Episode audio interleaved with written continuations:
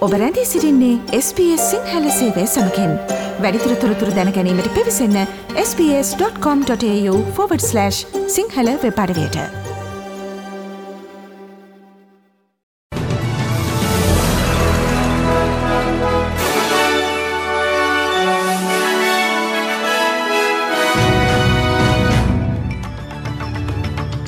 ප්‍රථමයෙන් සිරස්තල. මහමැතිවරණයේ චන්ද ගණන් කිරීම අවසනට එළඹෙද්දී ඉතිරිව ඇති ආසන සඳහත් ලේබ පක්ෂය ඉදිරියෙන්. ඔස්ට්‍රලයාාවේ ස්ථාවරය යළි ගොඩනැගීමට නව විදේශ අමාත්‍යවරිය පැසිෆික් කලාපයේ සංචාරයක.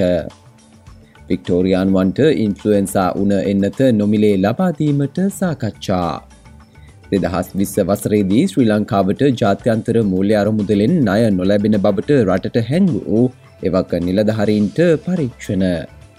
පසුගෙදා ගුරුවරුන් සහ ළමුන් විසි එකක් බිලිගත් ටෙක්සාස් වෙඩි තැබීමෙන් පසු ඇමරිකානුවන්ට රට තුළ ගිනිිය විපාලනය ගැන නව බලාපොරොත්තුවක්.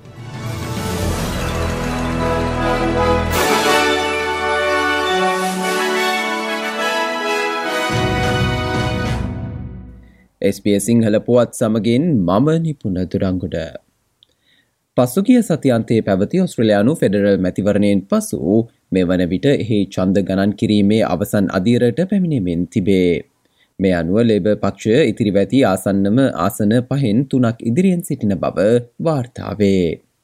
ඔස්ට්‍රලයානු මැතිවරණ කොමිසම සඳහන් කොට සිටින්නේ මේ වන විට ලේබ පක්ෂය ආසන හැත්තෑ පහක ලිබරල් සන්ධානය ආසන හැට එකක් සහ ග්‍රීන්ස් පක්ෂය සඳහා ආසන දෙකක් පවතින බවයි. එමෙන්ම ස්වාධීන ආසන දොළහක්ද පවතිී. මේ වන විට ලිබරල් පක්ෂාපේක්ෂක ඇන්ඩරු කොන්ස්ටන් නිවසවස් ගිල්මෝ ආසනයේ ලෙබ මන්ත්‍රී ෆියෝනා ෆිලිප්ස්ට වඩා චන්ද එකසිය හතලයක් ඉදිරියෙන් සිටී.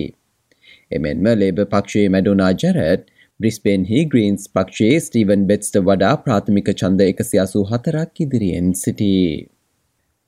ඔස්ට්‍රලයානු නව විදේශමාත්‍ය පෙනීවොන් අද ෆීජී අග්‍රාමාත්‍ය ෆ්‍රෑන්ක් නනිමරාමා සහ සෙසු ජේෂ්ඨ අමාත්‍යවරුන් හමුවීමට ෆීජී වෙත යාම සිදු කරයි.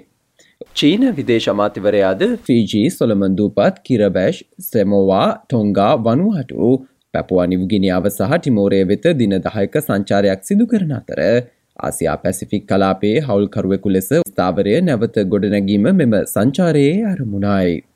මේ අතර ප්‍රතිපත්ති ආරක්ෂාව සහ දත්ත සංනිවේදන සහයෝගිතාවය ආවරණය වන පරිදි කලාපය පුරා ගනුදෙනුවක් අපේක්ෂා කරන අතරතුර චීනය සංචාරයද තහවුරු වී ඇති බව වාර්තාවේ.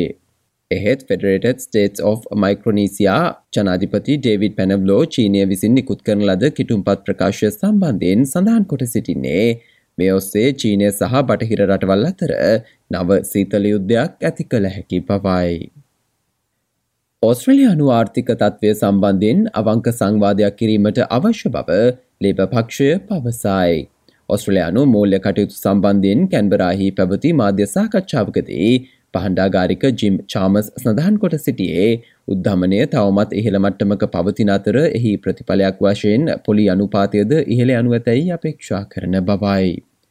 මෙම තත්ත්වය නිරාකරණය කිරීමටද දැඩි වෙහෙසක් දැරීමට සිදුවනු ඇති බවත් ඔහු පෙන්වාදෙයි. නව ෆෙඩරල් බහන්ඩාගාරිකවරයා අවස්ට්‍රලයානු මූල්‍ය කටයුතු පිළිබඳව සාකච්ඡා කිරීම සඳහා රිසර්ව් බෑන්ක් අධිපතිවරයා සහ ඔස්ට්‍රලයාාවේ මූල්‍ය න්‍යාමකින්ගේ ප්‍රධානින් හමූ බවද තහවුරු කොට තිබේ. පැවති ලිබරල් රජයට වඩා වෙනස් අයුරකින් ඔස්ට්‍රලයානු ආර්ථිකය සම්බන්ධයෙන් කටයුතු කරන අතර බදු සඳහා ගෙවන සෑම ඩොලරයක්ම ආර්ථිකයේ අවශ්‍යතා සඳහා ආයෝජනය කිරීමට කටයුතු කරන බව ඔහු පවසයි. We want to make sure that every single dollar of taxpayer money is invested in the interests of the taxpayers and their economy. For almost a decade now, we've had budgets determined solely by political outcomes and not economic outcomes, and that's what Katie and I desperately want to change. ඔස්ට්‍රලයානු federal මැතිවරණය පැවැත්වෙන දිනයේදී ශ්‍රී ලංකාවෙන් පැමිණි සරනාගත බෝට්ටුවක් සම්බන්ධයෙන් යවන ලද කෙටි පණිවුඩ ගැන කිසිවක් නොදන්නා බව හිටපු ස්වදේශ කටයුතු අමාත්‍ය කැරන් ඇන්රුස් සඳහන් කරයි. මෙම යාත්‍රාව පිළිබඳ කෙටි පණිවුඩය මැතිවරණ කොට්ටාශ ගණනාවක චන්දදායකින් වෙත යවා ඇති අතර අපගේ දේශසීමා සුරක්ෂිතව තබාගන්න සහ සඳහනයට චන්දය ප්‍රකාශ කරන ලෙස මෙහි ඇතුළත් විය.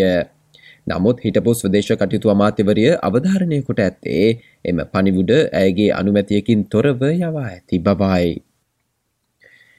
නිදන්ගත සෞඛ්‍ය ගැටලු හෝ ආබාධ සහිත ඔස්ට්‍රලයානුවන් සඳහා COොVID-19 එන්නතෙහි සිව්වන මාත්‍රාව සඳහා ප්‍රවේශය පුළුල් කිරීමට නියමිත බව වාර්තාවේ. නමුත් මෙය සාමාන්‍ය ජනතාව සඳහා නොවන බව සෞඛ්‍ය බලධාරීන් සඳහන් කරයි. ආදිවාසී සහ ටොරස් දූපත්වාසී ඔස්ට්‍රලයානුවන් වයසවුරුදු හැට පහට වඩා වැඩි සහ දැඩි ලෙස ප්‍රතිශක්ති කරන ගැටලුවලට ලක්වූ ඕනෑමයකු සඳහා දෙවන බූස්ට එන්නතක් දැනටමත් පවති. සාමාන්‍ය ජනතාවට මෙය ලබා නොදීම සම්බන්ධයෙන් ඔස්ට්‍රලයානු තාක්ෂණික උපදේශක කණ්ඩායම උපදෙස් ලබාදී ඇති බවත් අන්තර්වාර සෞඛ්‍ය අමාත්‍ය කේටි ගැලග පවසයි. The reason why it hasn't been expanded more across the general population uh, is based on evidence. Uh, we've accepted the ATAGI advice in full, uh, but the, the benefits of having a fourth dose for everyone um, aren't, you know, ATAGI's view at the moment is that that's not required. මෙම ශීතීර්තුවේදී උන එන්නත් නොමිලේ ලබාදීම සිදු කළ යුතුද යන්න පිළිබඳව ෆාමසි සහ වෛද්‍ය කණ්ඩායම් සමග සාකච්ඡා කරමින් සිටින බව වික්ටෝරයා ප්‍රාන්තය පවසයි. ප්‍රාන්තාග්‍රාමාත්‍ය ඩැනියල් ලන්රෝස් පෙන්වා දෙන්නේ සෞඛ්‍ය නිලධහරින් නිදන්ගත සෞඛ්‍ය ගැටලු පවතින පිරිසෙන් සහන කාඩ්පත් හිමියන්ගෙන් සහ වයසවුරුදු පහට වඩා අඩු ළමයින්ගෙන් ඔබ්බට මෙම එන්නත් සඳහා ප්‍රවේශය පුළුල් කිරීමට සලකා බලමින් සිටින බවයි. පෙර වසරවලට සාපේක්ෂව මෙම වසරේදී උනරෝගීන් දස දහසකට වඩා වාර්තාාවී තිබේ. බොහෝ පිරිසක් මෙම ඉන්ෆලුවෙන්ස අවුන එන්නත ලබා ගැනීම නොසලකා හැරීම සිදු කරන අතර මේ වන විට ප්‍රාන්තේ සෑම ළමුන් දස් දෙනුකින් දෙදෙනුකටත් වඩා අඩුවෙන් එන්නත ලබාගෙන ඇතැයිද නවතම වාර්තාවක් හෙළිකොට තිබේ. රොයල් චිල්රන්ස් හොස්පිටල් හි වෛද්‍ය ඇන්තියා රෝඩ්ස් පවසන්නේ එන්නත් ලබා ගැනීම සම්බන්ධින් ජනතාව දැඩි පීඩනයකට මේ වන විට පත්වඇති අතර එය මේ සඳහා රිජු ලෙස බලපෑම් සිදු කරන බවයි. A really interesting finding in this study was the um, concept of vaccine fatigue. So, around a third of parents who are hesitant about having their child vaccinated for flu this year said that they feel kids have just had too many vaccines. දැන් ශ්‍රී ලංකාවෙන් වාර්තා වන පුවත්. පසුගිය දෙදහස් විස්ස වසරේ මාර්තු අප්‍රේල් මාස වන විට ජාත්‍යන්තර මූල්‍ය අරමුදල මගින් ණය පහසුකම් ලබා ගැනීමට යාමේදී ශ්‍රී ලංකාවේ එවන විට ණයතිරසර බව නොමැති බවට ඔවුන් ලිඛිතව දන්වා ඇතැයි මහබැංකු අධිපති නන්දලාල් වීරසිංහ මහතා ඊයේ කෝප් කමිටු හමුවේ ප්‍රකාශ කොට තිබේ. එබැවින් ණය පහසුකම් ලබා ගැනීමට නම් පවතින ණය ප්‍රතිව්‍යුහගත කළ යුතු බවට එවකට මුදල් අමාත්‍යංශ ලේකම්වරයාට සහ මහ බැංකු අධිපතිවරයාට ලිඛිතව දන්වා තිබූ බවද ඔහු මෙහිදී හෙළිකොට තිබේ. මේ අනුව වත්මන් ආර්ථික අර්බුදය සඳහා හේතු සාධකමෙන්ම ඊට අදාළව සිය වගකීම් පැහැරහරින ලද නිලධහරින් සිටින අතර ඔවුන් සියලු දෙනා සම්බන්ධව පරීක්ෂණ සිදු කිරීම සඳහා පාර්ලිමේන්තු විශේෂ කාරක සභාවක් පත් කරන ලෙස කෝප් කමිටු සභාපති මහාචාරය චරිත හේරත් නිර්දේශ කොට ඇතැයිද වාර්තාවේ. මේ අතර නිශ්චිත සාර්වාර්ථික ප්‍රතිපත්ති රාමුවක් සකස් කරගන්නාතෙක් ශ්‍රී ලංකාවට නව මූල්‍යාදහර ලබාදීම සිදු නොකරන බව ලෝක බැංකුව පවසයි. මේ සඳහා කඩිනමෙන් ශ්‍රී ලංකාව කටයුතු කළ යුතු අතර ශ්‍රී ලංකාවට දැනටමත් අනුමත කොට ඇති ඇතැම් මූල්‍යාදහර ව්‍යාපෘති නැබත සමාලෝචනය කරන බවත් ලෝක බැංකුව නිවේදනයක් නිකුත් කරමින් සඳහන් කොට සිටී. ශ්‍රී ලංකා නව මුදල් ආර්ථික ස්ථායි කරන සහ ජාතික ප්‍රතිපත්ති අමාත්‍යවරයා වශයෙන් අග්‍රාමාත්‍ය රනිල් වික්‍රමසිංහ ඊයේ දිවරුන්දීම සිදු කළේය. මේ අග්‍රාමාත්‍යවරයා මුදල් අමාත්‍යවරයා වශයෙන් කටයුතු කරන ප්‍රථම අවස්ථාව වන අතර නව රජයේ කැබිනට අමාත්‍යවරුන් විසි දෙනෙකුද මෙවන විට දිවුරුම්දී තිබේ. දැන් විදේස් පෝතාක්. පසුගියදා ඇමරිකාවේ සිදු වූ වෙඩි තැබීම හේතුවෙන් ඇමරිකාව තුළ යළි ගිනිියවි සම්බන්ධයෙන් වන නීති වෙනස් කිරීමට ඉක්මන් වනු ඇතැයි ප්‍රජාව බලාපොරොත්තුවෙන් සිටින බව වාර්තාවේ. දකුණු ටෙක්සාසේ යුවෝල්ඩිහි රෝබ් ප්‍රාථමික පාසලේදී දහට හැවිරිදි තුවක්කුකරුවෙකු විසින් ගුරුවනුන් සහ ලමුන් විසියෙක් දෙනෙකු වෙඩි තබා ඝාතනය කිරීමෙන් අනතුරුව ඇමරිකානු ජනාධිපති ජෝ බයිඩන් ගිනිියවි සම්බන්ධයෙන් වන සීමා දැඩි කරන ලෙස ඉල්ලා තිබේ. කෙසේ නමුත් ඩලස් පදනම් කරගත් ඇසෝසිේටඩ් ප්‍රෙස් වාර්තාකරු ජේක් බ්ලයිබර්ග් පවසන්නේ පසුගේ වසර පහ තුළ සිදු වූ වෙනත් සිදුවීම් ටෙක්සාසේ ගිනි අවි පාලනය සම්බන්ධෙන් කිසිදු ආකාරයක ක්‍රියාමාර්ගයකට තුඩුදී නොමැති බවයි. ඇමරිකා රජය සහ ප්‍රාන්ත අතර සහයෝගිතාවයක් නොපවතින අතර ඒ හේතුවෙන් මෙම ගැටලුව දිගු කලක් සිදුවන බවත් ඔහු පෙන්වාදේ. We've got the governor of Texas and the state senators from Texas set to speak uh, at a NRA event uh, on Friday. Uh, it's really, um, you know, I think shows just how divided uh, the United States and its, you know, its different states and and and the government within them are on the question of guns and who should be able to get them. Then Greta up ශ්‍රී ලංකාව සහ බංගලාදේශ අතර පැවැත්වෙන දෙවැනි test තරගේ තෙවැනි දිනය ඒ නිමාවට පත්විය. මීර්පූර්හි පැවැත්වෙන මෙම තරගේ නිමාවට පත්වන විට සංචාරක ශ්‍රී ලංකා කණ්ඩායම කඩුළු පහක් දැවී ලකුණු දෙසියාසූ දෙකක් රැස්කර ගනිමින් ප්‍රබල ස්ථානයක පසුවිය.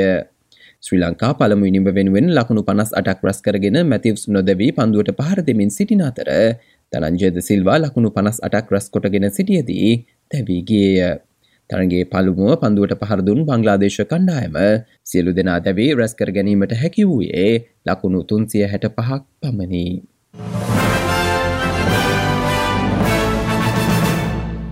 දැන් දවසේ ප්‍රධාන මිනිමනු පාතිකාගයන් ඔස්ට්‍රලයානු ඩොලට සාපේක්ෂව මරිකානු ඩොල සතහැත්ත එකයි බ්‍රිතාන්‍ය පවුන් සත පනසයයි යුරෝ සතහැට හයයි ජපනයෙන් අනුවයි සත විසි නවයයි ශ්‍රී ලංකාරුපියල් දෙසිය පනස් පහයි සතහතලි සටයි.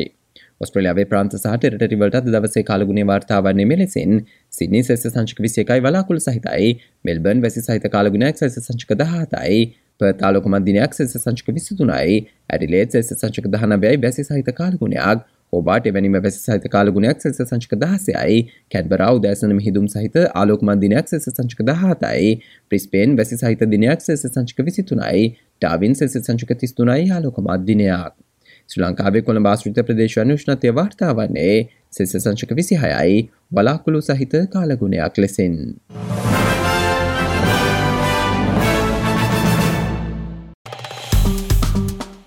ලයි කරන්න ෂයා කරන්න අදහස් ප්‍රකාශ කරන්න SBS සිංහල ෆස්බුක් පිටුව ෆලෝ කරන්න.